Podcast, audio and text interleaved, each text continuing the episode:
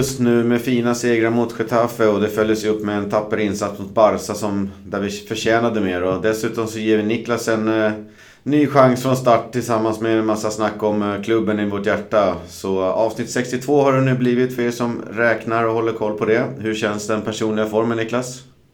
Nej, det är väl lite, man roterades ju bort förra omgången här så att nu är man tillbaka. Men det är lite februaritider så det är väl eh, lite hesa röster hos oss båda kanske. Så vi får väl kämpa på här i avsnittet. Så är det. Det är precis som Valencia gör. Det är ju riktigt härligt. Jocke och jag fick ju den äran att spela in en podd i segerruset efter Getafe-matchen. Förra gången då var man lite rädd för att det skulle gå lite tyngre mot Barcelona. Men det gick ju också förhållandevis bra i alla fall. Och nu har vi hur mycket nyheter och matnyttigt stoff som helst. Så att, eh, det ska bli något riktigt bra att sätta tänderna i det här.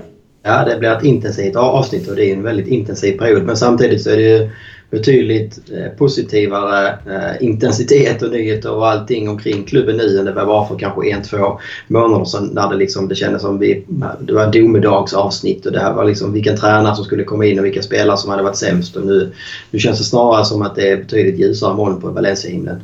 Verkligen, så är det. Och vi har väl ett sedvanligt körschema. Jag tänkte bara nämna att vi spelar in det här på onsdag kväll, vilket betyder att ni kanske lyssnar på det här före eller efter Betis-matchen och så vidare. Eh, så att vi, vi skippar att titta på El Clasico och spelar in podd istället onsdag kväll. Precis. Men vi börjar väl då. Coquelin och Kondogbia är ju nu tillbaks. Coquelin var ju med eh, tillsammans med Kondogbia redan i helgen mot Barca. Och det är positivt. Gaia är nu tillbaks till matchen mot Betis. Och Guedes är ju bak, tillbaka i träning och om man själv får välja så vill han vara med i matchen mot Betis. Men läkarna har rekommenderat en match extra vila eh, för att vara på den säkra sidan och Marcelino har nu valt att inte ta med Guedes då. Han sparas. Eh, det börjar se bra ut eh, med en helt frisk trupp nu till de tuffaste partiet av säsongen med det är superviktiga matcher hela tiden i tre turneringar. Två matcher i veckan. Ja, nej men jag läste också att det var väl här onsdag eller tisdag som Eh, man hade samtliga spelare tillgängliga i träning då skadefria vilket tydligen var första gången den här säsongen eh, som Marcelino kan välja av vaketruppen. Så det är ju såklart väldigt positivt även om det finns lite småskavanker på en del spelare. Eh, så är det ändå, som, som vi börjar på podden med att säga, så finns det liksom många positiva vibbar att ta med sig här nu. Och det är klart att det blir betydligt enklare att liksom surfa vidare på en positiv våg om man har hela truppen att välja på. För då kan man hela tiden gå på dagsform och man kan ha råd att vila någon spelare som inte är 100% och så vidare. Ja, eh, riktigt bra serie. Jag tror att Marcelino välkomnar de nya spelarna också med öppen famn i och med att det blir så tufft matchande. Och det finns flera spelare i truppen känns det som skulle behöva lite en rotation. Ja. Sen är det ju så att eh, fönstret har ju ändå stängt men Valencia har ändå varit ute och värvat spelare. Eh, man har valt att kontratera Jason Remeseiro från Levante. Och det är ju en 24-årig spelare som huserar till höger på mittfältet.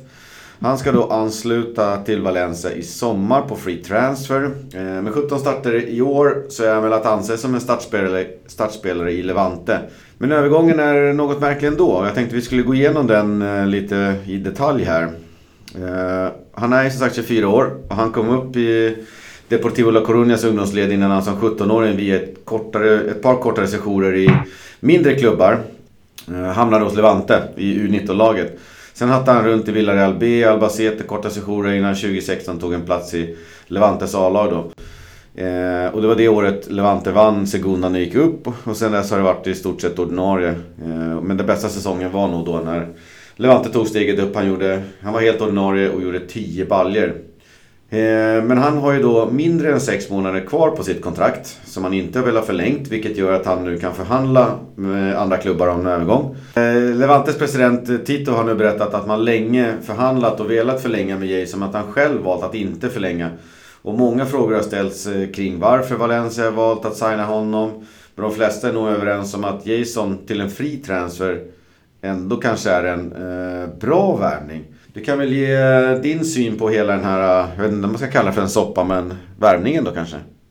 Det blir väl alltid lite känsligt. Alltså, det är ju inte någon superkonkurrens alltså, som det kan vara mellan stadslag eh, på det sättet mellan Levante och Valencia kanske. Men just den här typen av värvningar mitt i säsongen och när man då liksom tar en spelare på free transfer. Det är klart att det alltid blir lite känsligt. Eh, vad jag har förstått så verkar ju inte Eh, Jason nu i alla fall var särskilt poppis i Levante-kretsar och det är inte så att man läser att eh, Levante-fansen liksom, eh, saknar honom eller liksom tycker att det är tråkigt att han lämnar utan det känns som att många menar på att han har fått lite hybris och att man är lite frustrerad över den här kontraktsförhandlingen dragit ut på tiden och där det då sägs att Jason har krävt att att bli bäst betald i, i, i, i klubben för att förlänga.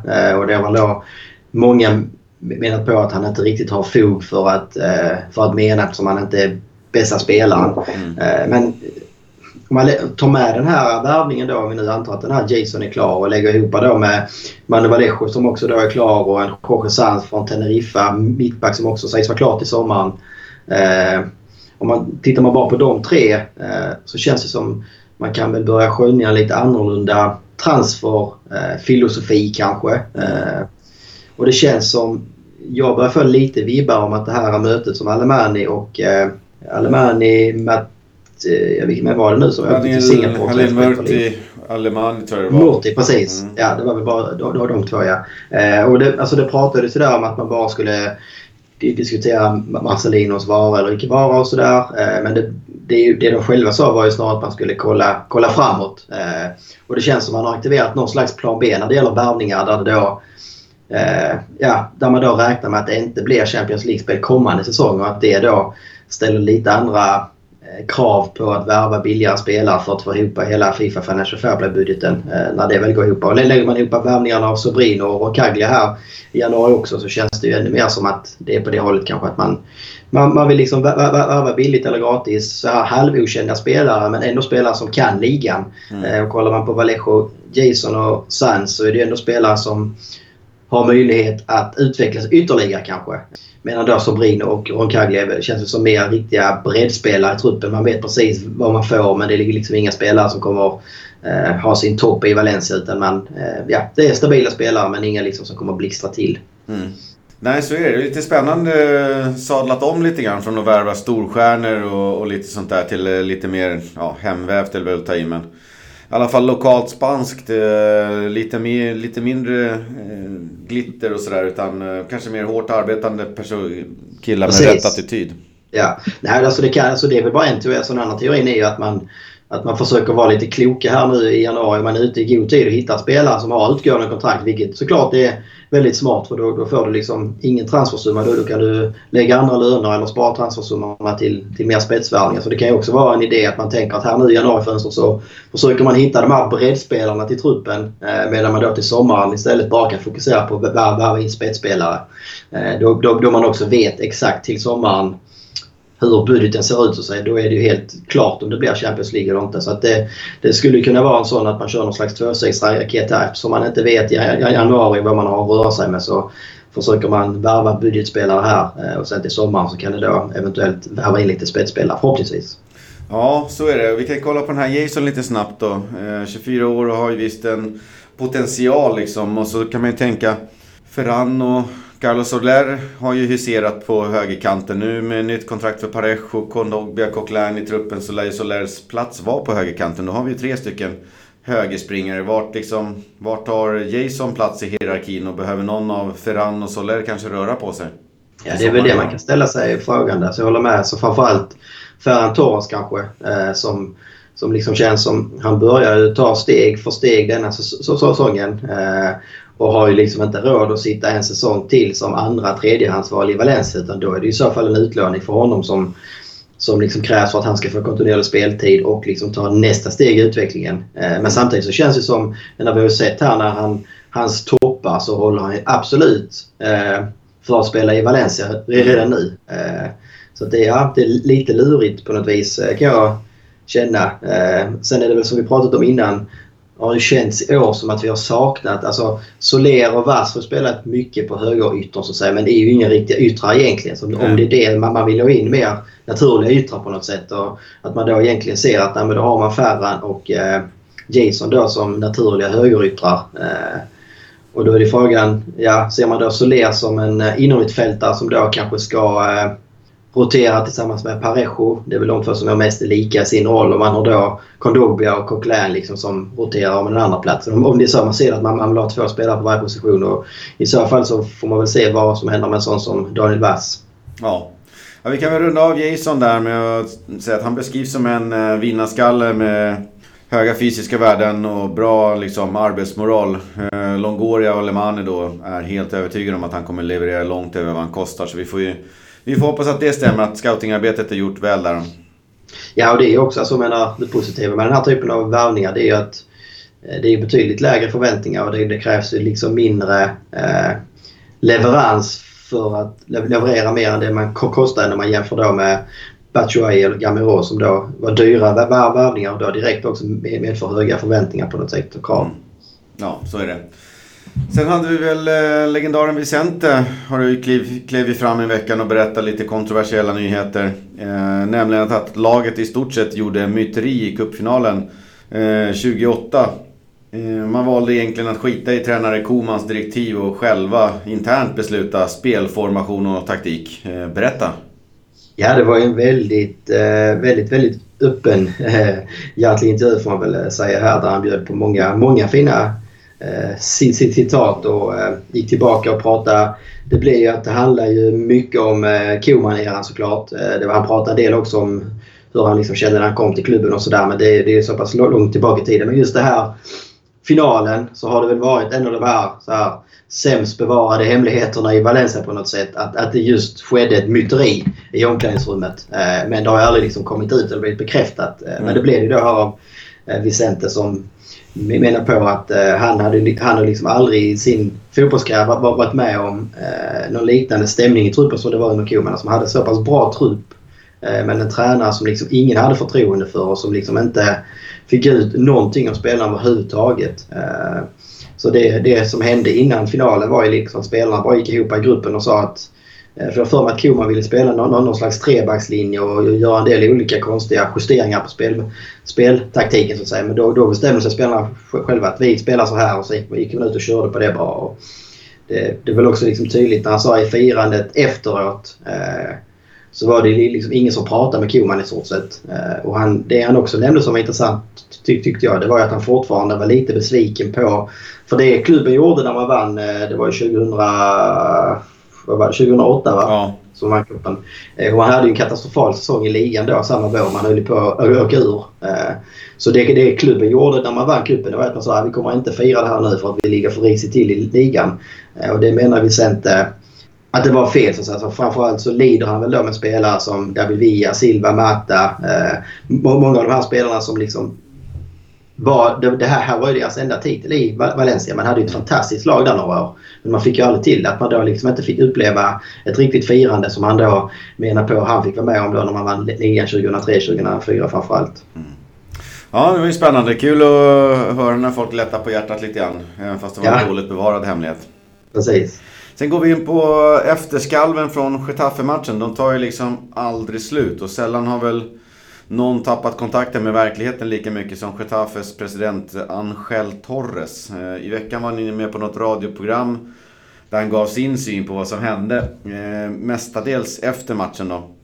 Eh, och det var ju faktiskt enligt mig oerhört tragiskt att ta del av vad han hade att säga. Självfallet så ser han ju allting ur Getafe-ögon då. Han menar ju att Bruno då vi pratade om det förra gången när Bruno sköt bollen, att han passade tillbaks den ja. till Valencias bänk. Eh, det var, han drog ju på ett hårt skott och där satt ju Diakabi som då... Eh, han var väl den som flög upp snabbast och reagerade. Sen, sen, sen menar han ju på då att hans spelare är nästan till oskyldiga då. Det var ju Diakabi som efter slutsignalen sprang fram och provocerade Bruno och det har han ju också rättighet. Så det gjorde han ju, det var inte så snyggt. Ehm, men jag ska säga att de bilderna, liksom, jag vet att du la upp någon bild på det också, när tre, fyra Getafe-spelare ja. praktiskt taget liksom har strypgrepp på Diakaby. Det är ju inte vackert att se liksom. Ehm. Nej, nej, det är ju det också. Alltså, jag tycker man får eh, alltså, man får väl också göra skillnad på... Jag försvarar inte att någon provocerar. Det var en del onödiga grejer som Valencia-spelare gjorde. Alltså, det, var, det var inte så att det är svart eller vitt, att det var bakåt som skiljer. Men det är en jäkla skillnad i min värld att provocera att göra liksom kanske gester eh, eller någonting och gå till fysiska angrepp. Alltså, det är en jäkla skillnad. Ja, det, är... det, går liksom inte, det går liksom inte att försvara strypgrepp eller tre, fyra man på en spelare för att han provocerade dem lite grann. För så jäkla tuffa provokationer. Alltså tåler man inte mer än så eh, och liksom behöver gå på och attackera fysiskt då, då har man ju liksom problem, problem i huvudet ju. Nej, så är det. Och, och någonstans så kan jag köpa lite grann att man har någon vinklad syn. Han är ju förbannad och han är ju partisk i målet eh, såklart. Eh, men när han liksom sen framför det här genom att använda liksom rasistiska ord och nedvärderande kommentarer, då har det ju gått helt överstyr. Och du har ju lite bättre spanska med, du kanske kan fylla i vad som sades.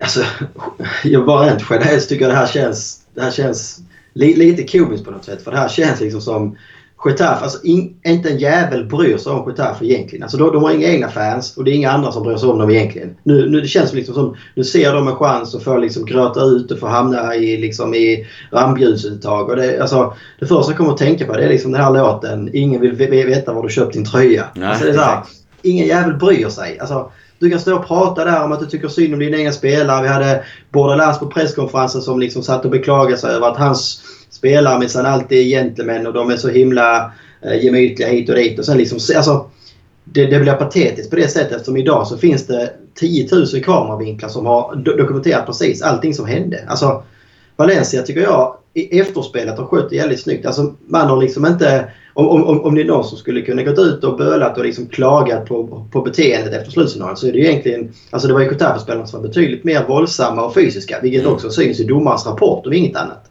Så det känns liksom bara som...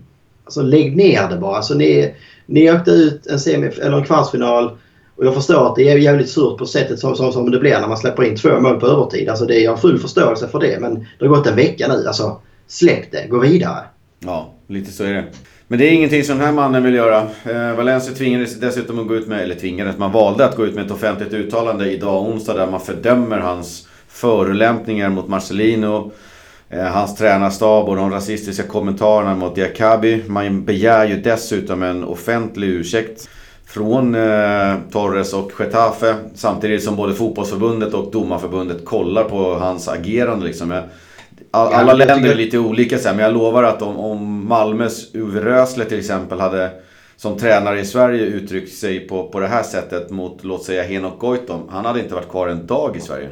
Han hade fått gå från alla poster. Ja, absolut. Men det är, alltså, jag tycker också att Valencia har ändå skött... Alltså istället, man går ju bara ut och fördömer hans eh, uttalande och liksom tycker jag man har helt rätt med. För det finns någon gräns också hur mycket eh, skitsnack som får komma där ute. Men man, man, man börjar inte pajkastningen genom att slänga någonting tillbaka. Man bara går ut och fördömer det kort och gott och sen är det bra. Liksom. Det är precis så som jag tycker att man också ska hantera det. Så all cred till eh, Valencias, ja, vem det nu är som hanterar det, kommunikationschef eller någonting som inte går i fällan liksom och börjar med någon pajkastning mot Getafe i eh, media. För det är liksom ingen... Det känns som det är det som Getafe vill ha igång på något sätt. De vill hålla den här eh, soppan levande av någon anledning. Eh, för att man liksom har satt på sig någon... Eh, vad heter det? De har ju sina 15 minutes of fame nu.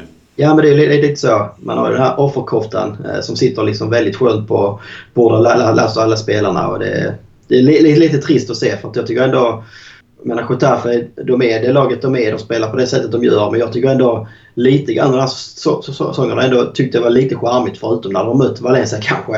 Eh, och ändå liksom känt att nej, fan, de, de spelar för sina förutsättningar och det får man ändå acceptera. Och de har gjort det jävligt bra. De har liksom tagit fler poäng än Valencia till exempel med, med en väldigt liten budget. Eh, men när man liksom håller på med sådana här grejer så då solkar man ju ner allt det här liksom som skulle kunna vara, vara charmigt på något sätt. När man, precis som ni pratade om förra veckan, ena stunden ska man spela liksom tufft och på gränsen alltid och sen så fort det går emot så ligger man ner och gråter. Alltså, det, det, det går inte att göra både och. Nej, och de har ju verkligen seglat upp som någon riktig, riktig hatmotståndare. Det ska ju bli kul att se hur Torres och, och spelarna, Damian och Bruno och de här tas emot när de kommer till Mestalla nästa gång. Ja, det är just under Fejas också när det brukar vara liksom extra bra tryck på, på Mestalla också. Så att det, det blir en väldigt intressant hemmamatch. Ja. Nej, vi lägger ner där samt alla andra som, som gnäller på Valencias firande. De har eh, inget själva att fira antar jag så att de får gnälla Nej, på alla andra.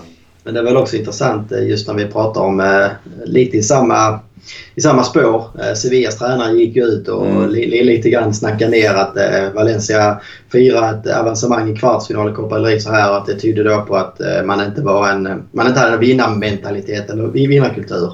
Eh, och sen åkte då Sevilla till eh, Nou Camp dagen efter och förlorade med 6-1. Eh, så att jag vet inte hur mycket man ska ta det uttalandet. Och menar Valencia åkte till, till Nou Camp tre dagar senare och fick 2-2 med mersmak. Så att det känns som han kan sätta sig ner igen nere i Sevilla.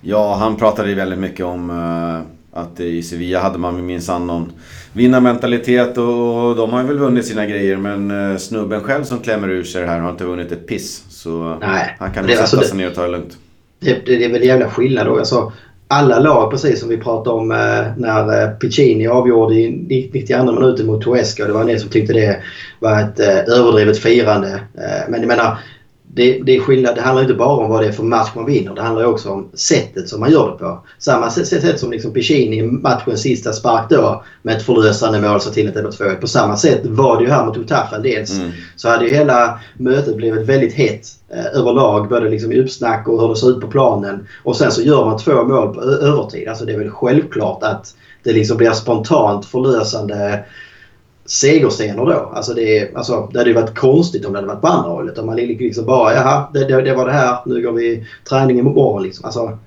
Spontana känsloyttringar är ju vad det är. Liksom. De kommer ju när de kommer. Blir man glad så blir man glad. Det är Exakt, kanske lite alltså, fel om man har en kortege genom stan dagen efter och anordnar ja, ja, sådana där grejer. Absolut. Det, men det här ja, är inte att stoppa. Det är Nej, alltså, vill man, alltså det, det är väl det här som är fotboll. Liksom. Alltså känslor, alltså det är känslor inblandat. Mm. Alltså vill man ta bort det då, då är man ju på, tycker jag, på väldigt hal is. Att det liksom ska vara något så här elitistiskt tänk när man får fira och när man inte får fira. Och nu, alltså det känns som redan nu är det för mycket sånt på väg in i fotbollen. Tycker jag ibland att eh, spelare inte ska fira mål för att det är töntigt att fira mål. Alltså släpp alltså, gör det man vill. Alltså, mer spontana känslor säger jag än mindre.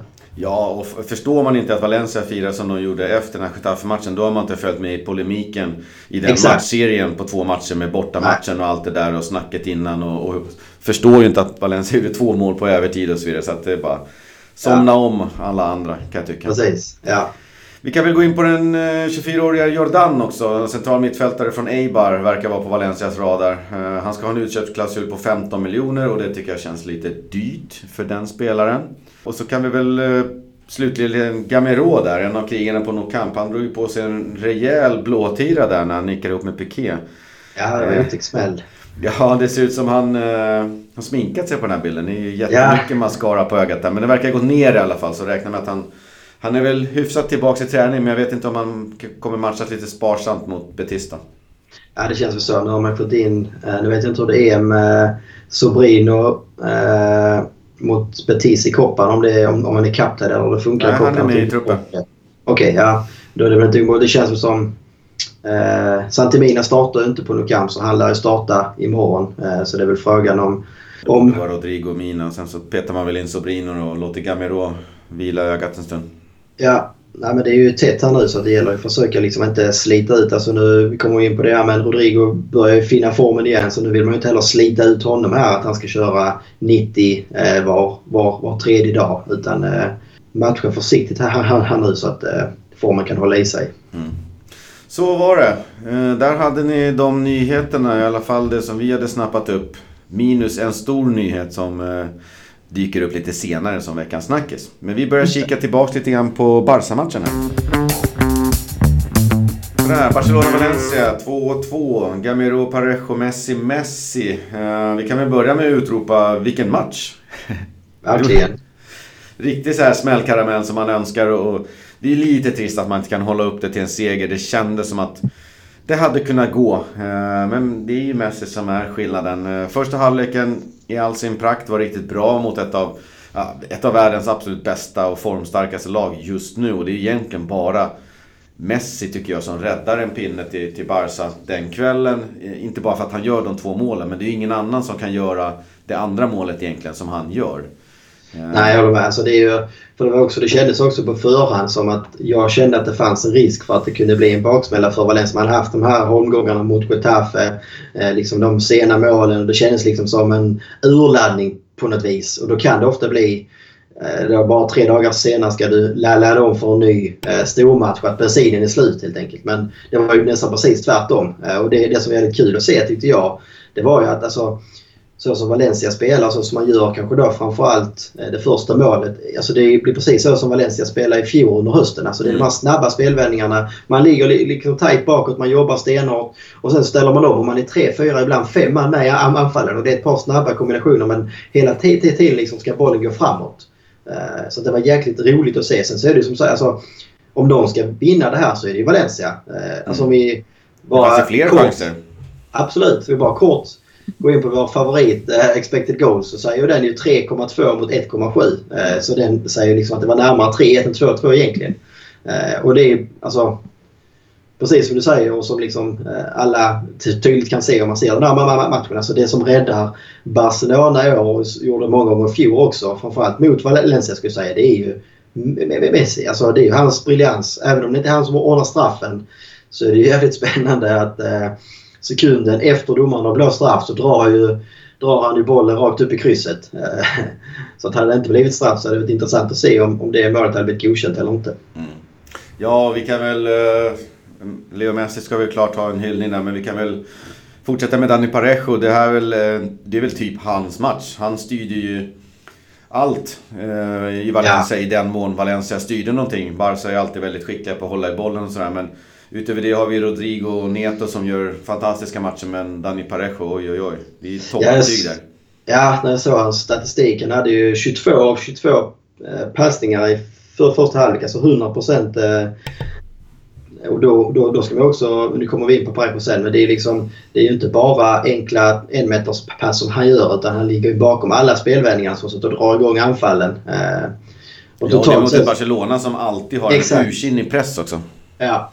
Eh, så han hade ju en otrolig, otrolig liksom, både statistik och man, ute på planen så var han dominant precis som du säger mot ett Barca som har en enorm press och som också liksom har ett starkt inomhusfält. Att kunna gå in och dominera så mycket på Nokamp på inomhusfältet, det, det är det inte många spelare som gör.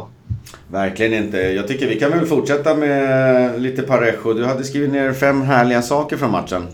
Ja, jag har ju börjat, äh, börjat för mig att jag ska göra det efter varje match. Äh, mm. att komma ihåg. Äh, den ena är väl som vi är inne på. Första punkten jag skrev ner det är väl att Rodrigo är Rodrigo igen.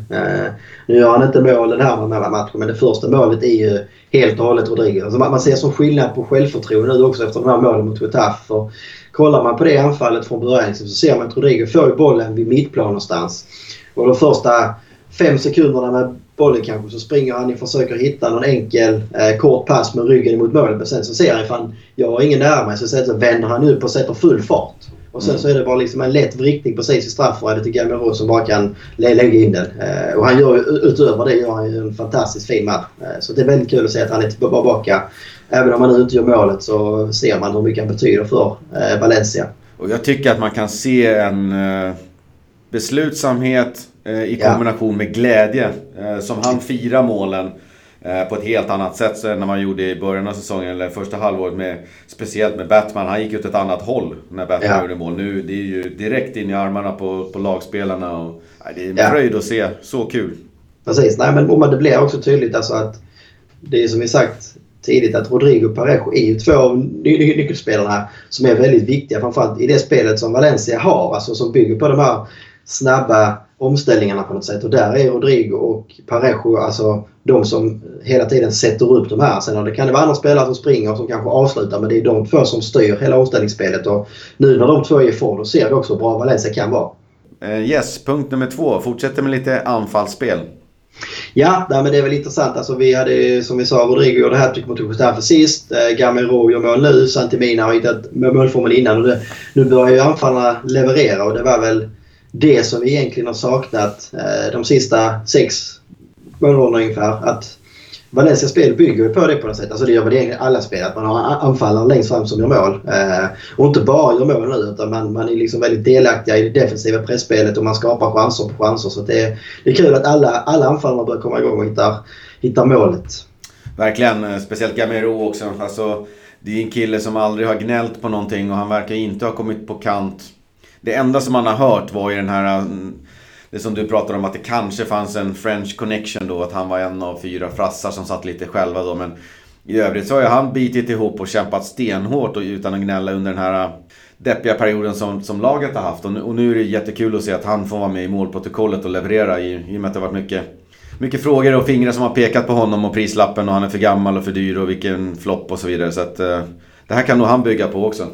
Precis och han har ju matchen innan här har han gjort flera avgörande framspelningar också. Mm. Den spelar fram till Rodrigo sena eh, segermål mot Celta Vigo och är med och spelar fram eh, målen här i Copa-segern också. Så att han har ju verkligen höjt sig och varit en av liksom, de bästa Valencia-spelarna egentligen den sista månaden i alla fall. Punkt nummer tre Yes. De har skrivit att fjärdeplatsen inte längre är en illusion kanske. Det var ju inte superlänge sedan som vi var nere på en 12-13 plats och liksom kändes som ett helt hav upp till Sevilla. Nu är det plötsligt bara 6 poäng och mm. Eh, liksom kollar man i, i formkurvemässigt så känns det ju verkligen som Valencias kurva pekar uppåt och Sevillas kanske pekar lite snett neråt. Och det är ändå mycket matcher kvar och det är ju också en match mellan Sevilla och Valencia kvar. så att eh, Fjärdeplatsen ska vi inte helt räkna bort längre, längre även om det såklart är, är fortfarande en lång väg att gå. Det, vi vet att Valencia fortfarande är kvar i, i både Europa League och Copa del Rey och det är intensivt eh, matchande. Men det, det, det är liksom kul att eh, säsongen har fått liv igen på något sätt. Verkligen, och sen kan man säga att det finns ju liksom inga enkla matcher i La Liga. Eh, men efter Barcelona här nu så har ju Valencia åtminstone ett överkomligt schema mot eh, Sociedad och den här typen av lag. Medan eh, Sevilla har ju eh, Barcelona eh, om eh, tre, tre matcher. Så har de Barcelona och sen så går de in i Europacupspel också. Så, här, så att eh, det finns ju alla chanser för, eh, för Valencia att knapra in ytterligare och sätta press på Sevilla så att man har liksom häng på den här platsen när det väl drar ihop sig sen. Exakt och det känns ju också som, alltså kollar man på statistik och man kollar hur det har sett ut så känns det som Sevilla har fått lite mer poäng än man kanske varit förtjänt av under hösten. Alltså man hade ungefär, som jag sagt innan, den hösten som Valencia hade i fjol där allting bara flyter på. Och då vinner man de här där man inte alltid förtjänar att göra det och man, får med sig någon poäng hit och dit som, ja, när man är inne i zonen så får man det. Eh, men när Valencia haft det tvärtom i höst, menar, kan vi få motsatsförhållandet i vår vilket det normalt sett är över en hel säsong så brukar det jämna ut sig. Så kan det bli så att Valencia får lite turliga poäng med sig i vår medan Sevilla kanske då kommer kryssa lite fler eh, matcher. Och då helt plötsligt så kan det liksom gå snabbt och, och svänga om pendeln. Vi hoppas på det. Punkt nummer fyra kan vi ta snabbt. Det var egentligen det jag var inne på från början. Att det känns som Valencia börjar få momentum här nu. Det börjar dra ihop sig under våren. Det är nu liksom allt ska avgöras och då ser Valencia starkare ut än någonsin den här säsongen. På skadefronten är det som vi var inne på innan helt skadefritt formkurvorna på, på många spelare, framförallt nyckelspelare, är liksom eh, väldigt, väldigt eh, uppåtpekande. Eh, moralmässigt så ser man ju liksom att laget har gått ihop och man spelar för, för varandra på ett helt annat sätt än man gjorde under hösten. Och taktiskt sett, som vi också var inne på kort innan, alltså så, nu spelar man ju det, det, det spelet som man hade räknat med att Valencia skulle göra i år. Alltså de här snabba omställningarna, fart på bollen, komma till många avslutslägen och vara med mycket, mycket folk framåt samtidigt som man då är, är, är stabila bakåt. Och det är ju samma här på Nou Camp. det, det ena målet är en straff man släpper in. Eh, det andra målet är ju lite av ett slumpmål. Och jag skulle också vilja påstå att om inte bollen hade hamnat på Messis fot där så hade det aldrig blivit mål. För det är ingen målchans egentligen. Så man släpper till väldigt få målchanser som, eh, i, i, sin eh, defensiv. Vi får hoppas att den här säsongen blir en sån här omvänd spegelbild på förra året. Då var vi Exakt. jättebra på hösten och dåliga på våren. Och nu har vi varit dåliga på hösten så nu ska vi vara jättebra på våren. Ja, nej, men det är det jag lever efter. Och så sista punkten där då? Sista punkten. Eh, jag vill avsluta lite negativt kanske men Marcelino fortsätter ju tyvärr att eh, möta Barcelona utan att lyckas vinna. Han har nu mött Barcelona som tränare 20 gånger och har 6 kryss och 14 förluster. Men frågan är om han någon gång varit närmare en seger än, än, i, än i helgen. Eller mer värd en seger. Precis. Eh, så är det. Härliga punkter. Vi kan väl eh, prata lite kort om straffarna också. Barca hade ju en eh, straff men och en utebliven kan man väl säga. Eh, den uteblivna straffen var ju då när eh, det tog ett skott på Gabriel. Eh, och det blev VAR på den. Och jag tycker egentligen att den är korrekt. Sen kan man ju tycka att han ska vara hans och så vidare. Och handen är i onaturlig position. Men straffregeln är ju som sådan att Bollen skjuts mot Gabriel, den tar på hans kropp. Sen blir det en rikoschett eller en studs därifrån på armen. Och den har ju han svårt att styra då. Det är därför VAR eh, inte gick in och plockade straff för det, den är nog korrekt dömd. Eh, hands eller arm är ju inte detsamma som straff utan det betyder ju bara att man behöver kolla på det.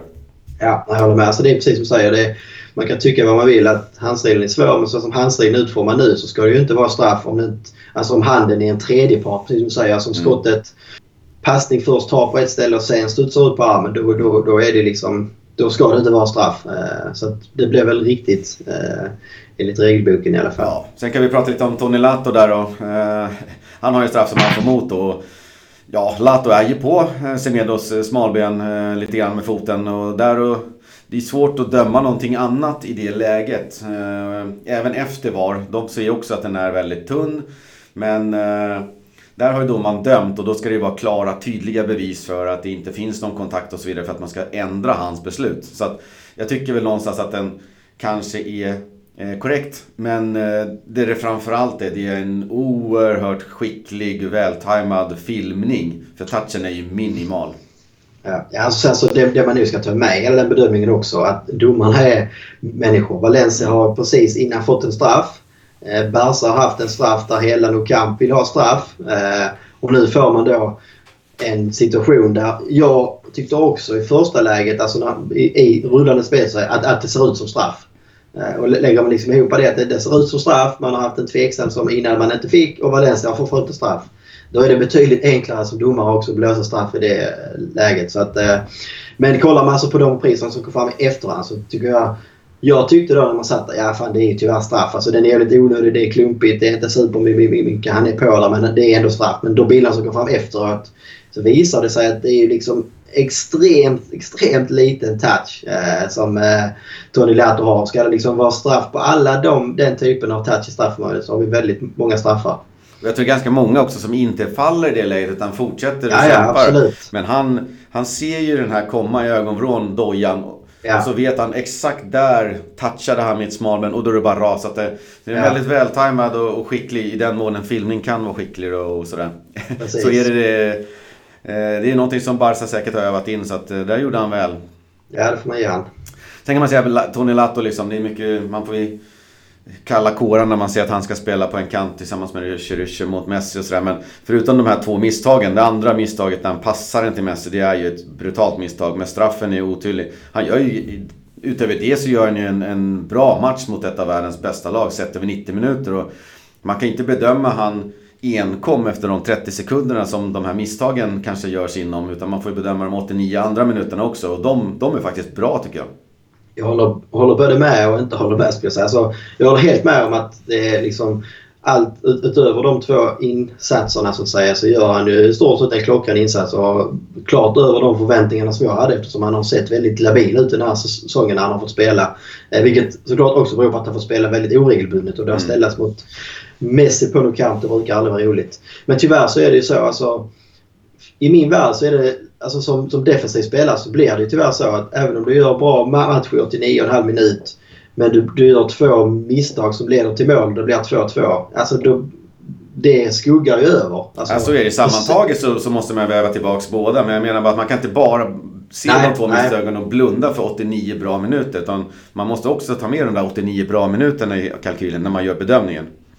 Alltså det är så pass, alltså jag tycker ändå det är så pass, jag tycker straffen är så pass klumpig för att mm.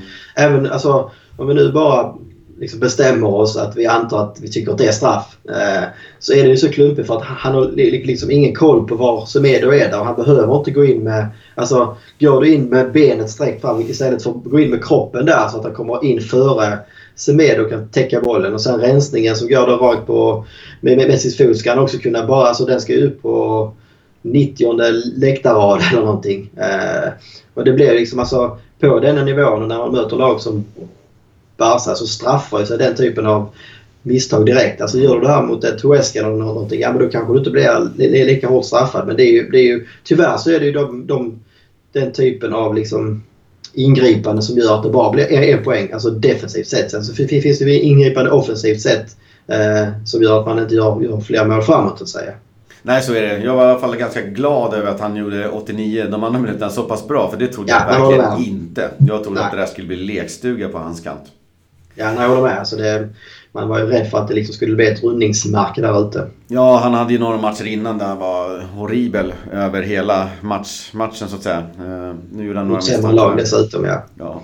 Nej, sen så kan vi väl inte uh, gå därifrån utan att nämna Neto då som har ett par svettiga räddningar och det där spelmålet som han släpper in, Messi skjuter ju liksom på andra sidan av två, tre försvarare så att Neto inte ser skottet. För han hade en räddning på ett skott, liknande skott, eh, innan där.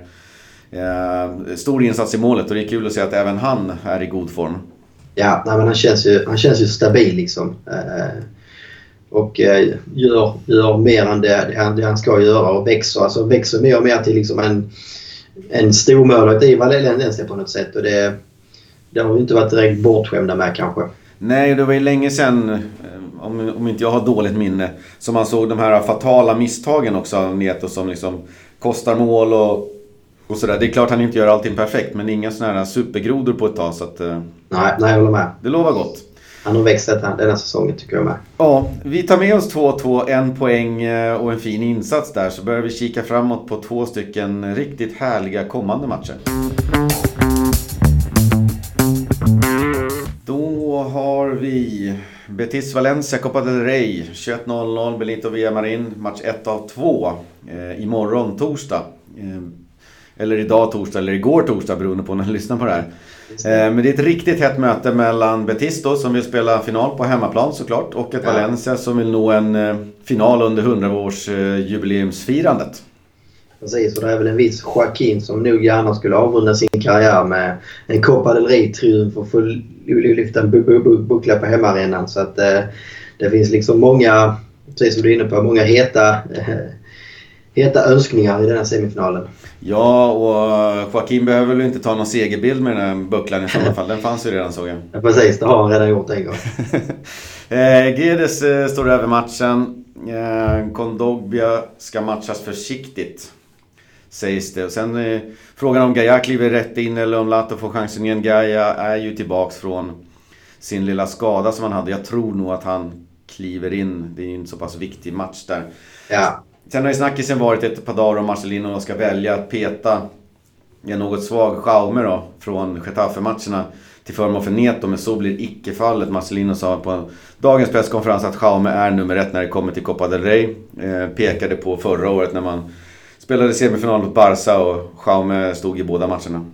Ja, nej, det tycker jag egentligen är helt rätt. Alltså, vi var inne på det förra gången, eller ni var inne på det med den här tavlan som var mot Getafe. Eh, och det är liksom inget att säga om. Men samtidigt så behöver vi också hålla igång honom om man nu liksom uttalat sagt att, att man tycker att han är tillräckligt bra. Alltså det, det, det skulle ju vara ett enormt moraliskt liksom underbetyg för Jaume om man inte ens får chansen att stå i de här Copa matcherna. Eh, så det, det, det köper jag helt och hållet. Det tycker jag är helt rätt. Sen var det också lite snack om att eventuellt Roncaglia skulle gå in direkt från start i mm.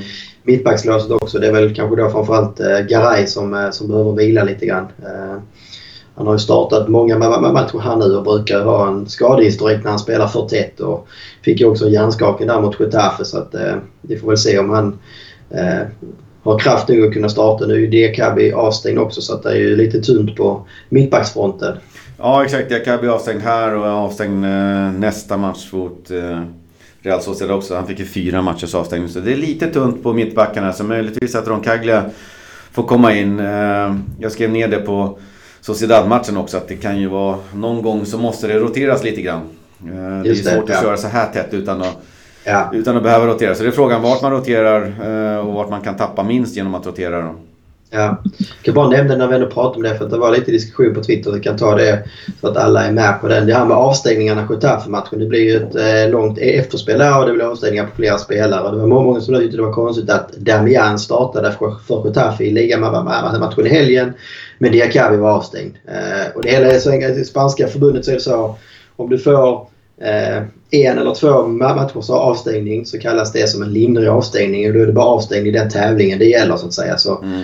eh, och Damians straff blir fyra matcher men man bedömde det som två olika situationer. Så han fick ju två plus två. Mm. Medan Diakabi fick fyra eh, direkt så att säga för en, en situation. Så det är därför som deras, deras avstängningar då eh, bedöms olika. Vilket kan tyckas lite knasigt. För i Damians fall här nu så blir det typ att han kommer att vara avstängd i första omgången mot något eh, division 3-lag i kommande års Copa del Rey. Medan då Diakabi bommar två ligamatcher och två semifinaler i Copa del Rey. Ja, det är trist. Men så är det. Däremot så, eller vi lär ju förvänta oss en fullsatt arena. Jag tyckte de snackade om att det var 55 000 sålda och Valencia hade ju fått någonstans runt 700 plåtar och de är också slut så att... Eh, Ja, det, det blir leva till luckan.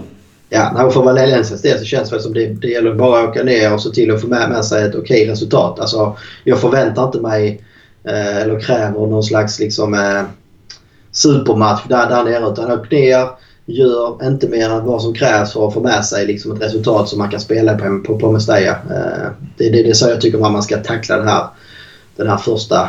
För, för, för, för Betis är det precis tvärtom. Jag tror att de kommer liksom gå all in här och försöka få med sig kanske en två tre målsseger för att liksom, eh, känna att man har ett väldigt bra utgångsläge inför returen. Ja, det var det Marcelin sa också, att det är det det handlar om. Eh, gå in och ja. plocka en, eh, ett bra resultat som är bättre än 0-1 eh, mot Getafe där borta. Och här blir det liksom ett, ett, ett Betis för hemmafansen kommer försöka trycka på och då blir det oerhört viktigt med de här omställningarna som Valencia har. Kan man göra ett bortamål så blir det oerhört värdefullt oavsett om man kryssar 1-1 eller förlorar 2-1 eller något sånt där så, så är bortamålen är så otroligt viktiga. Ja, ja precis.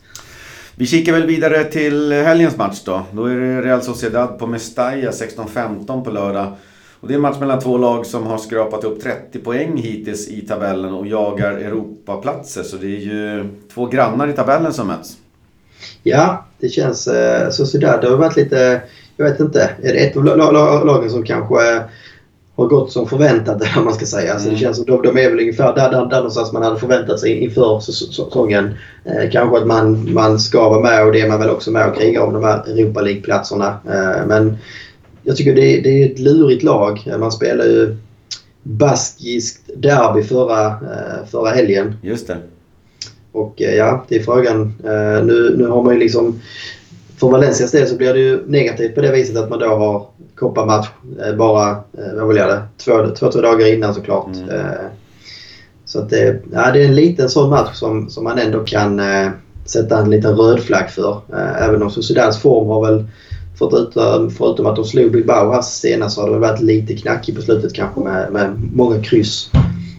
Så är det. Jag ska dubbelkolla. Det är på söndag. Ska jag försöka rätta till här söndag. Just det, söndag klockan 16.15. Exakt, torsdag till lördag var lite kort. Så söndag är det. Ja, och ja, väntar ju Celtic eh, mitt i veckan därefter då. Ja, just det. Nej, så det kommer bli en tuff nöt. Alltså, så sådär, de kanske inte vunnit så mycket men de har heller inte förlorat. Jag tror inte de har förlorat på någon av sina fem senaste. Så att det, det, det är ett svårbesegrat lag. Eh, och bland annat så gjorde man ju en fin match mot Real Madrid på Bernabéu lyckades ju avgå där med seger för några, någon, när det är kanske en månad sen nu. Så att där, finns liksom kvalitet i, i laget de dagarna man väl, väl får ut maximalt av truppen. Ja, de har ju Laramendi centralt. Eh, framåt har de lite slagkraftig Oyarzabal och William som har stått för 14 mål på de två anfallarna. Eh, så ja. att, eh, det blir att se upp med. Ja, det kan det bli. Och det blir också... Det är ju alltid svårt att spekulera om en match när vi har en annan match emellan så att säga. Mm. Kommer det, kommer det liksom slita på spelare så att det blir rotationer på, på, på söndag? Eh, vilka? För sen är ju liksom returen är ju är ganska så tajt på här nu också för, för Valencias del. Eh, först har man Celtic i omgången efter som du sa. Sen har man en ny ligamatch och sen har man Celtic igen ligamatch och sen är det Betis. Så att det, det gäller ju att tänka, tänka lite halvlångsiktigt också på något vis. Ja, verkligen. Eh, det är ju hela tiden, man måste fokusera på den matchen som är just nu. Men när det är så här tight så måste ändå Marcelino ha en liten, lite längre plan om hur han ska matcha spelarna. Ja, och plus att nu verkar det också tydligt att eh, Alltså fansen har varit tydliga länge höll jag på att säga att, att man verkligen vill att laget går för koppan. Mm. Eh, och nu verkar det vara tydligt också liksom man hörde Parejo uttala sig att eh, nej men vi vill verkligen ge det här en chans nu. Nu har vi liksom eh, 180 minuter från att spela en final och det här ska vi verkligen inte liksom sumpa om man säger så. Eh, så att jag, jag, tror att vi, vi, vi kommer få se ett Valencia som verkligen kommer kriga för att ta sig till denna finalen och som eh, att det då kanske, kanske kommer att gå ut lite grann över de ligamatcherna matcherna som ligger runt omkring. Så är det. Vi håller tummarna för ett bra bortaresultat i Betis och sen att eh, grabbarna tar ihop sig och får ett härligt välkomnande på Mestalla. Eh, och rundar av den helgen med tre poäng då. Så kikar vi fram emot veckans snackis. Ja. Veckans snackis. Nu är den tillbaka efter lite vila förra veckan och eh, vi utelämnade en eh, riktigt eh, stor nyhet i nyhetspaketet för att det blev veckans snackis och det är ju att Dani Parejo nu har signerat ett eh, nytt kontrakt Eh, och det är ju som sagt en, det är en delikat fråga. Känslan är ju att den har varit på gång ett bra tag. Vilket vi ju pratat om eh, redan förra säsongen i podden. Men att man väljer att gå officiellt med det just nu har nog till stor del att göra med eh, att det går så bra för laget. Jag tror att principbeslutet att förlänga med Parejo togs för, för ett bra tag sedan. Men man ville vänta till rätt tillfälle. Hade man förlängt med Parejo för, för två månader sedan hade det blivit ramaskri. Eh, så. Men Parejos fullständigt galna form just nu gör ju att eh, när beslutet väl är taget så är det det perfekta läget att gå ut med det.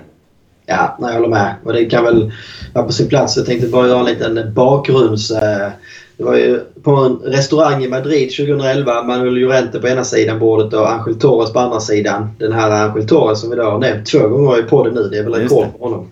Fem timmar senare så var man överens. 6 miljoner euro plus en träningsmatch som aldrig blev av så blir Parejo då Valencia-spelare. Och nu åtta år senare, Danny Parejo är lagkapten och är spelaren i truppen som har varit i, i Valencias A-lag överlägset längst. Topp 5 bland alla spelare i Valencia förstod eh, i antalet matcher. Topp 25. Precis. Mm. Ja, och har väl liksom eh, alla möjligheter här de närmaste tre åren att kunna klättra ytterligare där. Mm. Men det är ju det, det är som det är med Danny Parejo, han, han kommer ju alltid liksom skapa åsikter och det, och det kommer ju nästan alltid vara väldigt svart och vitt när det, när det gäller Parejo. Det är nog någonting man bara får lära sig att leva med. Mm. För i mitt, i, så som jag ser det så i, i, i Parejo så får du liksom en spelare som i sina bästa stunder är briljant. Jag skulle vilja säga att han är världsklass inom ett fältare. Och det är så, så som han liksom var till exempel på Nou Camp nu. Ja, men det är, alltså det är inte många mittfältare i världen som kan mäta sig med hans högsta nivå. Så är det. Alltså det är liksom inte att vi är färgade utan det, det, det, det skulle jag egentligen vilja slå fast. Eh, mm. Men utmaningen eller problemet med Parejo det är ju hans svängningar. Och att han har en sån otroligt låg lägstanivå. Han har liksom inte någon stabil nivå där han aldrig går under. Utan han, han, hans lägstanivå kan vara riktigt usel. Och lägger man då på det att han också de dagarna har en aura och utstrålning som upplevs väldigt loj och närmast håglöst. Ja, då är det inte konstigt att liksom, alla genom åren har ifrågasatt hans karaktär på något sätt. Mm. Nej, så är det. Det är väl också, alltså man ska väl... Många, precis som vi pratade kort om innan, så är det enkelt liksom att komma ihåg felpassningar som Parejo gör. Eh, för att det, det kanske ibland syns väldigt tydligt eftersom han spelar på den positionen han gör på planen och han liksom nästan alltid slår passningar framåt på något sätt. Men man måste också komma ihåg att i Valencia så är det Parejo som styr i stort sett allting i spelet. Och allting ska gå genom honom. Det är liksom bara att kolla en match och så bara fokusera på Parejos rörelse och hans liksom pe pekar med handen och styr så ser man att det är han som styr alla uppspelen. Och då blir det också att han har överlagt flest passningar och flest touch av alla spelarna. Då är det också naturligt att han kommer slå bort passningar så kommer det synas och han kommer slå bort mer passningar än någon annan eftersom att han gör flest eh, passningar också. Och dessutom så är ju hans, alltså hans eh, roll eller hans spel är ju ofta hög eller i alla fall medium risk. Det är ju liksom ingen sidleds Daniel Andersson som gör allting eh, lite enkelt om med tvåmeterspassningar. Det är ju inte hans roll eller hans styrka. Så även om det kan vara motigt och svårt att ibland känna kärlek för honom så, så får man ändå liksom väga in hela bilden på något sätt och, och liksom tänka att med Danne Parejo så är det alltid en väldigt tunn linje mellan genialitet och galning på något sätt. Och, eh, ja, jag vet inte. Det, jag, jag har haft väldigt svårt för honom i, i alla år på något sätt. Men eh, man börjar kanske lära sig att leva med honom på något sätt. Ja, så är det. Man, man, eh, det finns ju matcher när man har velat skicka kan på en gång. Och sen finns det matcher som till exempel nu i, i helgen när man tänker att eh, ja, det, det, finns nog inte så mycket bättre eh, spelare på den positionen som Valencia kan få tag i än just Dani Parejo i sina bästa stunder. Nej, nej, man måste ju också liksom hylla hans lojalitet. Han har liksom varit i klubben i åtta år. Jag läste också idag att han har, han har eh, missat totalt åtta matcher på de här åtta åren och spelar nästan alltid 90 minuter. Så att det är liksom en, en evighetsmaskin på det sättet också. Eh, och har, alltså, och då, man vill också komma ihåg att han har liksom varit i Valencia väldigt tunga år. Där säkerligen han själv känt ibland att eh, fan jag kan lika gärna spela någon annanstans. Jag är liksom inte uppskattad här och det går skit för klubben och så vidare. Eh, jag vet att men, hans fru gick ut nu också och var väldigt glad över förlängningen och, väldigt glad över hur de blev bemötta nu. Men nämnde ja. också att de hade blivit hånade och nästan bespottade ute på stan. Både han, hans fru och när de är ute med barnen och det. Där folk ja. skriker saker efter dem och det är inte snyggt oavsett. Nej. Eh, så man får ventilera de känslorna lite på planen kan jag tycka. Ja, det är väl lite där. Alltså, det är väl där jag tror dessvärre att Eh, något som har gjort mer skada än nytta för Parejo och hans popularitet bland fansen i alla fall. Det är ju den här lagkaptensbilden. För att han är inte den naturliga lagkaptenen. Han är ju kanske framförallt inte den här lagkaptensmallen som man har haft i Valencia där man då har haft en Albella, många har man haft liksom Ayala-typer och så här. Eh, det, de är kanske då tydliga förebilder och de kaptenerna som fansen minns på något sätt. Mm. Men det, det, det är inte Danny Parejo själv som har bestämt att han ska vara kapten. Dels så är det flera olika tränare som har utnämnt och behållit honom som kapten.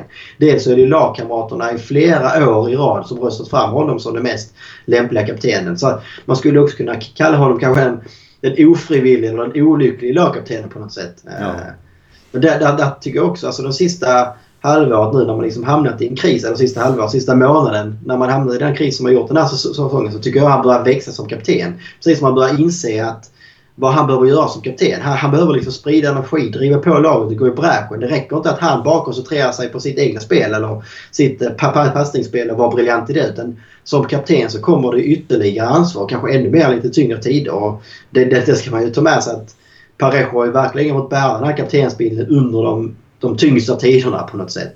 Eh, så det är väl det är sånt som på något sätt ligger i fatet för honom att bli ihågkommen som en av de största inomhutfältarna som Valencia har haft på grund av det. Eh, medan då, skulle man bara kolla liksom på hans eh, högsta nivåer så borde han ju liksom vara med och, och pratas i de sammanhang på något sätt. Så vi får väl hoppas att Parejo här nu tar chansen. Han har ju tre år på sig till hans kontrakt går ut 2022. Han är 33 år. Att bli ihågkommen som en annan kapten och förändra den bilden som kanske många har svårt att sudda ut på något sätt. Och kanske då få lyfta en buckla som lagkapten. Så att, eh, för då tror jag att eh, alltså minnet eller arvet av Parejo i Valencia i eftermälet kommer bli helt annorlunda om, om, om det skulle bli så. Ja, och så är det ju. Jag, vi har ju varit inne på det flera gånger att han är ju inte det perfekta lagkaptensämnet och han har sina brister ibland när han inte lyckas rycka upp laget eller styra eller förändra en matchbild på egen hand när det går lite tungt. Eh, det man ska ja kanske lägga på den positiva sidan att han har ju fått ofattbart mycket skit eh, offentligt på planen av fansen. Hans familj har blivit hånad men han har ju aldrig brustit på något sätt och tagit någon fight eller börjat kasta pajer utan han har bara sagt att vi tror på laget, vi tror på klubben, vi vill ha med oss fansen. Eh, han har hållit sig ganska rakryggad i den här skitstormen ja. som han har befunnit sig i. Ja, jag håller med. Det var väl det var väl eh, ryktades att det då inför Marcelin, det var väl förra sommaren, att det då var väldigt nära att han skulle lämna. Att det fanns en del intresserade klubbar. Det var väl Valverde var ju väldigt förtjust i honom och ville väl ha honom till eh, Barca då. Men det var väl som han själv har sagt eh, Marcelino som övertalade honom att stanna. Eh, för då, det var ju framförallt att han ville lämna för att, precis som du är inne på, att han kände liksom att han fick bara skit av fansen och, och kunde knappt gå, gå på stan med, med sin familj och sådär. Så det, det, det är ju tråkigt när det blir på det hållet.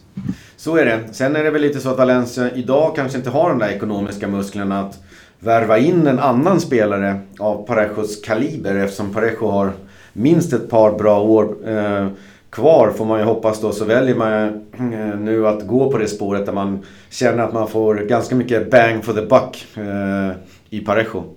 Ja, jag tror det. Alltså dels alltså såklart hela den ekonomiska biten och sen också Eh, alltså, man vill ju gärna behålla, han har varit i laget, alltså, när det kommer in nya spelare, det är skönt att ha några av de här som har varit med ett tag och att man inte behöver förändra. Det är en så pass viktig position också på något sätt. Och det känns ju som man har ju fått fram det bästa av Parejo kanske när man har hittat här Coquelin eller Kondogbia som kan spela sidan om honom som kompletterar varandra väldigt bra. Eh, mm. då, då ser man också att Parejo är som allra bäst när han kan fokusera mer på liksom Eh, att när Valencia är spelförande och kan släppa li, li, li, lite mer på, på det defensiva arbetet på något sätt. Då får man ut max av honom och det känns som Marcelino är väl den tränaren i Valencia som jag tycker har fått ut eh, mest av Parejo. Han var ju briljant i fjol eh, och nu liksom börjar han hitta den formen igen. Och eh, är ju en, både liksom en spel, speluppläggare, eh, speldiktator så att säga. Men även en bra poängspelare. Både liksom med mål och assist och fasta situationer och sådär så har han en bra fot.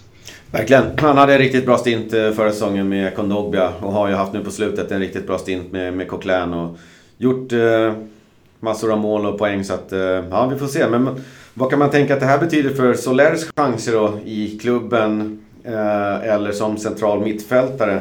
Ser vi liksom kanske en försäljning av honom i kikaren till sommaren eller ser man att han kanske kan ta en kantplats tills Parejo slutar? Det är många år dit. Ja precis. Det var eh, lite som vi var inne i början av podden så kanske det är så att man nu börjar liksom bygga att man ska ha två spelare på varje position så att säga. Så då tänker man att man ska ha fyra inomhittfältare och då har man då Coquelin och Kondogbia som är den ena inomhittfältstypen och sen har man då kanske Dani Parejo och eh, Carlos Soler som den andra inomhittfältstypen. Mm. Men tyvärr så tror jag inte det är omöjligt att, att, att Soler kan bli såld. Vi har ju sett, det var väl Tottenham här som var det senaste klubben som var ute efter honom och det har varit flera andra topplag i Premier League som varit ute efter honom och då, då pratar vi också mycket pengar.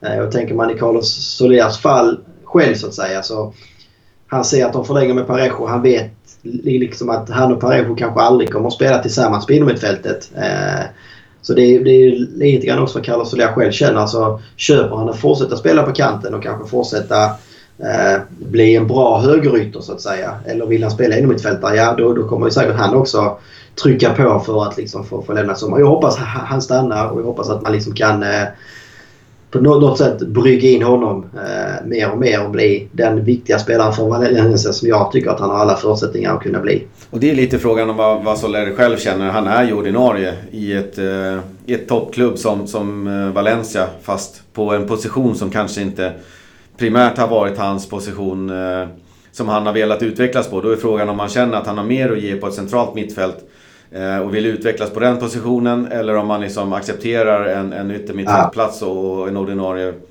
tröja i Valencia. Så det är nog mycket upp till Carlos Soler själv. Men jag är helt säker på att Valencia vill ha kvar honom och jag tror Soler också vill spela kvar i Valencia.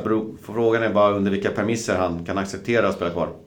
Ja, och sen så ska man väl också... Alltså, nu utgår vi ju egentligen i den här diskussionen från att det är Marcelino som kommer att fortsätta och det kommer att vara 4-4-2. Men Valencia historiskt sett har ju ofta spelat med tre inom mittfältare. Alltså haft något slags 4-2-3-1. Mm. Eh, så jag menar, kommer det en tränare som förändrar spelsystem så kanske det helt plötsligt finns plats för både Parejo och Soler och då en Kondogbia eller Coquelin bakom dem. Det hade jag tyckt personligen varit väldigt spännande att se.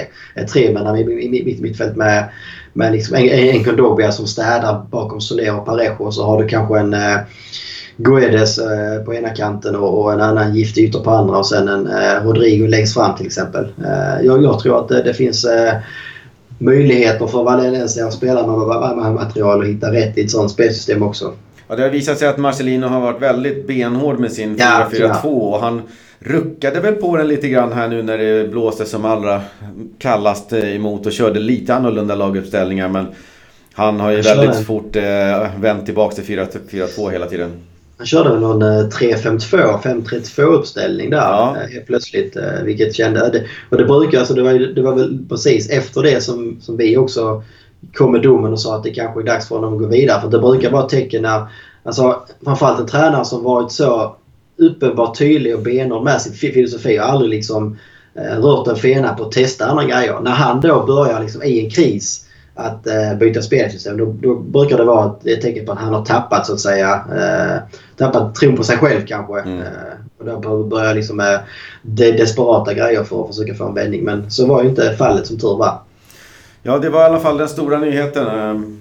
Parejo är en Valencia-spelare fram till 2022. Eh, Om ingen... Eh, det var en ganska så låg utköpsklausul Det var väl 50 miljoner. 50 miljoner, eh, ja. Så att... Men han skulle ponera bara rent... Ja, Kina skulle vi kunna köpa. Ja, men alltså ponera att han, att han hittar en högre, jäm, jämnare nivå under hela våren. Att han liksom ligger nära den här Camp Nou-insatsen hela våren. Då är ju 50 miljoner för Parejo ett fynd. Men han är ju sina bästa år nu här. En, två säsonger till kanske.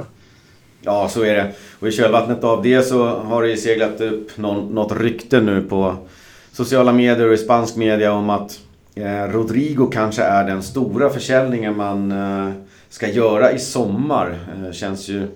Dels så känns det väldigt trist att den nyheten kommer nu när det går bra. Jag tror inte Rodrigo behöver höra något sånt. Eh, jag vet inte, jag tror inte att det ligger någonting i det. Eh, men vad säger vi om eh, Rodrigo och en möjlig exit där? Så det enda jag, jag tror kan ligga i det, det hänger nog ihop med det vi pratade om med, med transfer eller värvningsfilosofin så att säga. Mm. Så kommer man till en sommar där man inte har Champions League-spel nästa säsong så tror jag man är tvungen att göra en större försäljning. Och då, det är inte särskilt många spelare i dagens trupp som kanske skulle inbringa de, de stora summorna. Det är Rodrigo, det är Carlos Soler, det är kanske en Gaia. Eh, beroende på då hur pass bra en eh, Gonzalo Guedes kommer igång i vår så är det väl de spelarna man kan prata om kanske som kan inbringa mer än 50 miljoner som då kan klassas som en större försäljning. Eh, och det är det, alltså ofta så är det ju anfallarna som, som ger de stora summorna och Ja, alltså jag hoppas ju inte att man behöver sälja någon av de här. För Rodrigo är ju lite som Parejo. Alltså har varit en av kaptenerna, och varit i klubben länge nu. Och, eh, vi vet ju ändå vad, vad vi liksom kan få ut av honom. Sen samtidigt så har vi också sett att han kan gå väldigt långa perioder med liksom en formsvacka. Alltså det är inte den anfallaren som levererar vecka efter vecka, säsong efter säsong. Och vi har ju haft han som snackis innan och frågat är det en one hit wonder? Det är liksom hans statistik. Om man kollar bakåt också så har det inte varit så att han, han snittar en 15 mål per säsong utan eh, fjolåret var ju snarare ett, ett undantag där så att säga. Så att, eh, ja.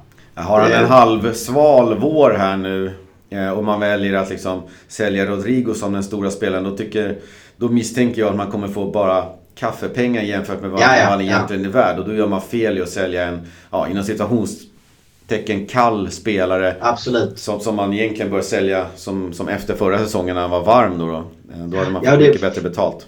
Frågan är ju vad man skulle, alltså även om man skulle göra en helt okej okay vår så är frågan vad man skulle kunna få. Jag menar förra året hade han en kanonsäsong. Han var uttagen i VM och ändå så kunde man inte få 80 miljoner från honom. Uh, så det är ju det liksom frågan är vad, vad, man då skulle kunna få från dem i sommar. Så det, det krävs väl i så fall att det är en Premier League-klubb som pungar ut pengarna. Som där ligger man ofta 20-25% högre i transfersummorna. Mm. Ja, eh, vi säger väl så. Rodrigo får gärna stanna och Parejo kommer att stanna. Så eh, stänger vi ner eh, veckans snackis för den här gången och så går vi in på en scorecast. Och nu mina vänner så är tabellen uppdaterad. Mm. Ja, starkt jobbat av dig. Det får ja. hatten av att du har lyckats eh, och orka sätta dig ner och gå igenom eh, de här omgångarna sen vi, sen vi hade tabell senast. Jag känner lite, inte... som, lite som när man har glömt att göra en reseräkning på jobbet i ett halvår. Ja. Så ska man börja med de där jävla kvittorna. Nu var det ja. hur många matcher som helst att gå igenom. Ja, lite så. Men det var inte... Inga stora förändringar i toppen va? Nej, det var det inte. Och det var faktiskt inte jättemycket poäng som delades ut. För alla tror ju alltid på vinst och det har inte blivit så många vinster. Nej, sant. Men... Eh, när dammet har lagt sig och poängen har delats ut så har vi ju fortfarande Lasse Popp i topp på 16 poäng. Han har faktiskt eh, puttrat på i smyg hela tiden och gnetat in eh, fina kryss och prickat in målskyttar och annat. Så han leder på 16. Så har vi David, eh, 71 har jag skrivit att han heter. Jag tror att han heter på Twitter. Han har 12 pinnar. Just det, det kan vi väl nämna. Han hade 2-2 och eh, Gamero som målskytt i helgen va? Ja, vi hade... Fullt pott här mot eh, Barca. Ja, vi hade Jocke då som brukar vara med i podden. Han hade också 2-2. Rodrigo gav två poäng. Jens Hylander har vi på 10 poäng. Eh, jag seglar runt på 9 tillsammans med Jocke Gidlund då. Eh, så har vi Jonas Hansson på 7, Oskar 6, Hermansson på 6. Ja, Johan Linkan och Hjalmar Tell på 5 och sen så är det lite mindre för de andra. Alltså att, att, man ligger på 6 poäng och då vet jag att jag har ändå tippat varje omgång. Det är säkert en del av de här som inte har kanske kommit ihåg att skicka in varje omgång så att säga. Eh, så att eh, 6 poäng är ju rätt så svagt på vad har vi spelat nu? 21 omgångar eller någonting? Ja, lite så är det. Jag hade nog gärna också sett att jag hade lite mer och gav Lasse en match där. Men vi får väl hoppas på att David och Jens ger honom en riktig match in till slutet på scorecasten. Man kan konstatera att eh, min taktik med att alltid tippa Valencia-seger har ju gett just 6 poäng eftersom vi har 6 segrar. Så jag har aldrig ja. lyckats pricka in eh, något eh, resultat eller målskytt än. Men har vi lite fler segrar i vår så kanske också min poäng får bli bättre. Ja, det har varit lite konstiga målskyttar. Parejo gjorde mål. Det var inte många som tippade. Han gjorde mål tre matcher i rad såg jag där. Ja, just Sen har vi Cheryshev och Diakabi har gjort mål. Så det har inte varit de vanliga. Rodrigo och Santemina. Mina har ju sina flesta i kuppen dessutom. Precis. Nej, vi får hoppas på det lite mer logiska resultat i vår så vi kan börja vår klättring. Du får börja med det logiska resultatet mot eh, Sociedad. Oj, oj, oj. Ja. Jag tror det kommer bli en ganska så tight match. Så jag tror Valencia kommer eh, försöka tajta ner det. Eh, nu har man haft eh, Barcelona gjorde man en urladdning, Getafe hemma hade man en urladdning och det kommer liksom bli en tuff kopparmatch i, i Betis imorgon. Så att jag tror att man kommer försöka det kommer inte bli någon champagneföreställning på, på Mestalla. Jag tror också att Sociedad kommer till Mestalla. Man vet att man möter ett Valencia som är i stark form. Man kommer nog åka dit och vara ganska så nöjda med den poängen man har när matchen startar. Eh, så jag säger 2-1 till Valencia. 2-1. Vad har vi för någon lycklig målskytt? Ja, nu ska jag tänka här. Då tror jag faktiskt att jag säger Gonzalo Guedes som gör comeback och är oerhört spelsugen. Ja, det är jublet. Precis. Guedes. Jag sa ju någon för något avsnitt sen att jag skulle gå emot dig och inte hålla med dig och starta en liten beef här. Så eh, jag får väl göra det på scorecasten då. Eh, Ja. Jag tror på en champagneföreställning. Ja, det gillar jag. Jag tror på eh, 3-1 till Valencia. Jag tror att det blir en eh, fräsch, komfortabel seger inför glada segerrusiga fans. Eh, Spelet sitter som en eh, smäck. Och vi har en eh, Rodrigo som eh, inleder målskyttet. Det var länge sedan vi hade en söndagsmatch känns det som. Eh, Det har varit mycket lördag så det blev väl trevligt. eh, Söndag eftermiddag, kvart över fyra var det väl. Vi sa det är väl en hyfsat bra tid också skulle jag säga. Ja, kvart över fyra har ju blivit någon vanlig tid i alla fall. Men nu är det söndag. De drabbar ihop. Så får vi väl se. Vi glömde väl lämna det. Vi får väl se hur... Ja, nu kommer det kanske ändå komma ut efter Copa-matchen men det verkar ju som att eh, det inte kommer att gå visas på någon svensk kanal. Strive sänder ju en klassiker ikväll men hade... Mm. Eh, först så trodde man att de hade, de hade köpt hela Rey-rättigheterna så att säga. Mm. Eh, Men man hade väl bara köpt de här två El Clasicorna. Eh, Och det har varit, det var ganska mycket om, om, om, om man skrev det på Twitter jag, jag köper det på ett sätt men å andra sidan så, man, så Strive har man ju köpt en produkt där man köpt La Liga och Serie A så men allting utöver det är ju egentligen en bonus. Så att det, jag har ju svårt liksom att kräva att de liksom ska ta in Valencia även om man kan tycka att det är tråkigt att de bara köper en klassiker och inte köper hela Copa del Rey-paketet istället. Det Men, borde inte varit allt för dyrt att köpa de andra två matcherna också. Nej, Eh, nej, jag tycker inte det. Sen det som du säger, alltså Valencia Betis är ju för gemene man en väldigt smal sak. Och när det dessutom Ja, är i ja. Copa del Rey så blir den ännu smalare. Så viss förståelse men eh, tråkigt att det blev så. ja, vi får hitta andra sätt att se det på. Det finns eh, fulstreamar där ute för oss Ja. tappra som ändå vill se det här. Fullstream och IPTV är väl det som eh, gäller. Ja, så är det. Jag har faktiskt skaffat mig IPTV och lite så. Och så har jag bokat biljetter till eh, Valencia Bilbao eh, den 3 mars. Oj, oj, oj. Resan ner dit. Ja. Hoppas på att formen håller i sig och att det är riktigt positiva vindar när jag är där nere och kikar. ja, men du brukar väl ha haft lite tur här nu på slutet. Mm. Senaste gångerna du varit nere så har det varit eh, riktigt bra matcher och hemmasegrar. Ja, det var Sevilla förra året 4-0 och sen så såg jag ju matchen mot det där tyska laget som var Trofeo de Naranja. Det var ju defilering. Det var ju fullständigt fantastisk eh, frams eller föreställning av Valencia då. Eh, och eh, sen så sket det sig efter det. Ja. Skulle aldrig åka det var väl... Vilken Champions League-match var det? Ja, det var också Young Boys som vi såg. Det var också Just det. fint. De vann. Ja. Så att om du är inne i en bra, bra stint här. Räkna med seger mot Bilbao, det kan jag säga. 4-0 har jag skorkat Bilbao hemma säger jag redan nu. Ja, det är bra.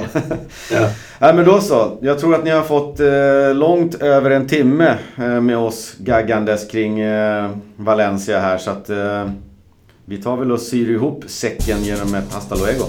Hasta luego.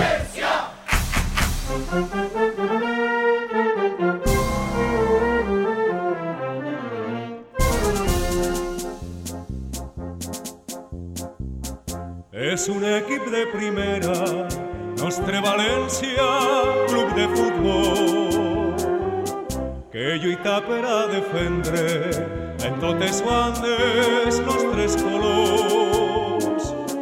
En el camp de l'Algirós ja començaren a demostrar que era una bona manera per a València representar. Valencia, Valencia, es el millón.